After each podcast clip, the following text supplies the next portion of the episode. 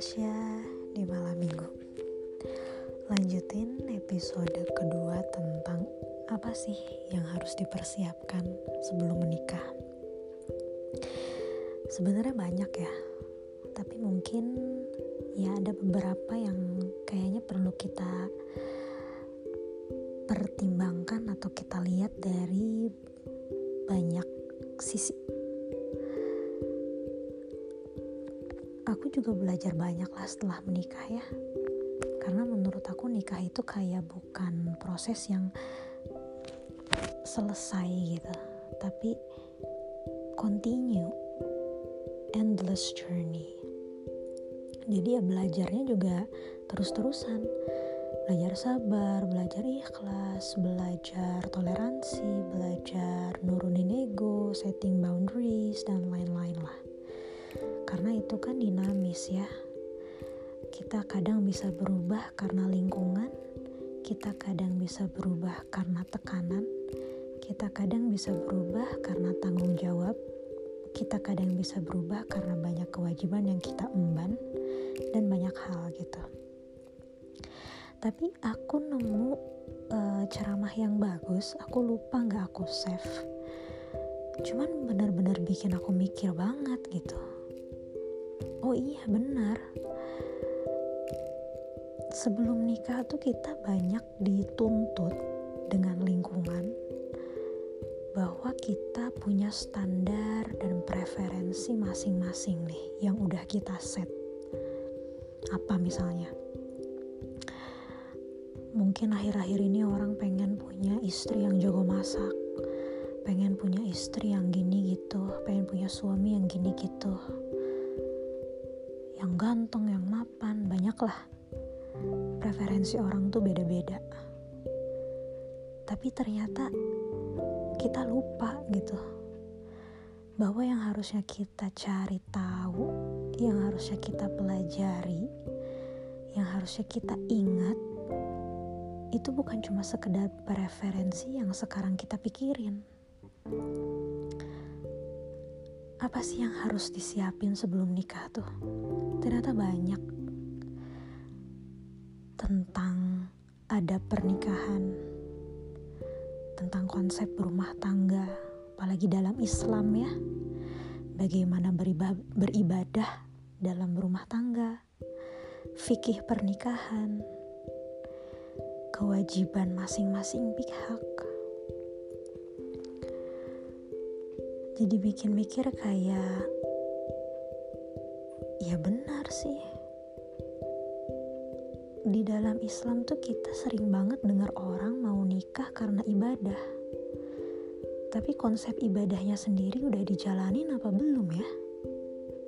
Bener gak sih? Jangan-jangan nikah cuman ngasih nafkah lahir aja batinnya enggak misalnya.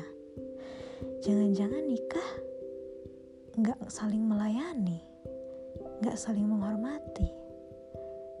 Banyak hal kan ya. Fikih pernikahan, ada pernikahan, konsep pernikahan itu sendiri, bagaimana ini, bagaimana itu.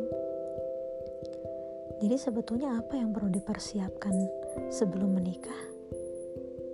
Ya ilmu pernikahan itu sendiri yang harus sama-sama dimengerti oleh kedua belah pihak masing-masing harus ngeh, harus tahu gitu kewajibannya tuh apa. Jangan sampai kewajibannya dipikul cuman sama satu pihak misalnya. Atau pihak yang ini ngerasa berat, pihak yang satunya bersedia atau enggak untuk memikul bareng-bareng tanggung jawab dan kewajibannya itu. Karena kan kita harus sadar kita manusia nggak sempurna ya. Nggak semuanya bisa kita lakuin sendiri. Kita harus terima bahwa diri kita tuh punya limit. Kita harus terima bahwa diri kita tuh punya batas. Sanggup enggaknya ya kita harus cerita gitu. Ini bakal berlanjut ke banyak aspek gitu jadinya I know again marriage is a complicated things but it is complicated. Karena ya a lifetime journey tadi gitu. Jadi wajar lah kalau ini complicated ya nggak sih? Orang kerjaan aja yang kayak gitu misalnya kita pusingin kok.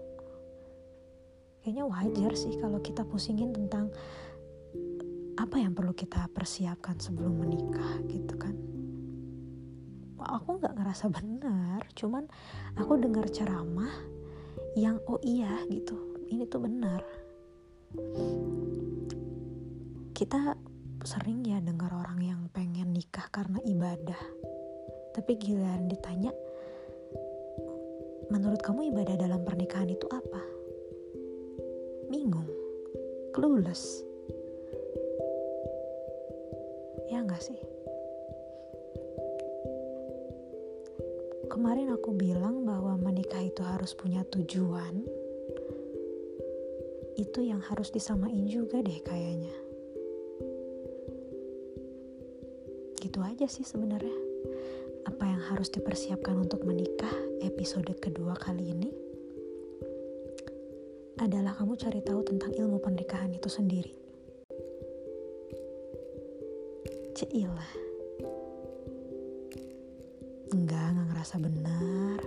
Sama-sama belajar kan kita. Bener gak sih?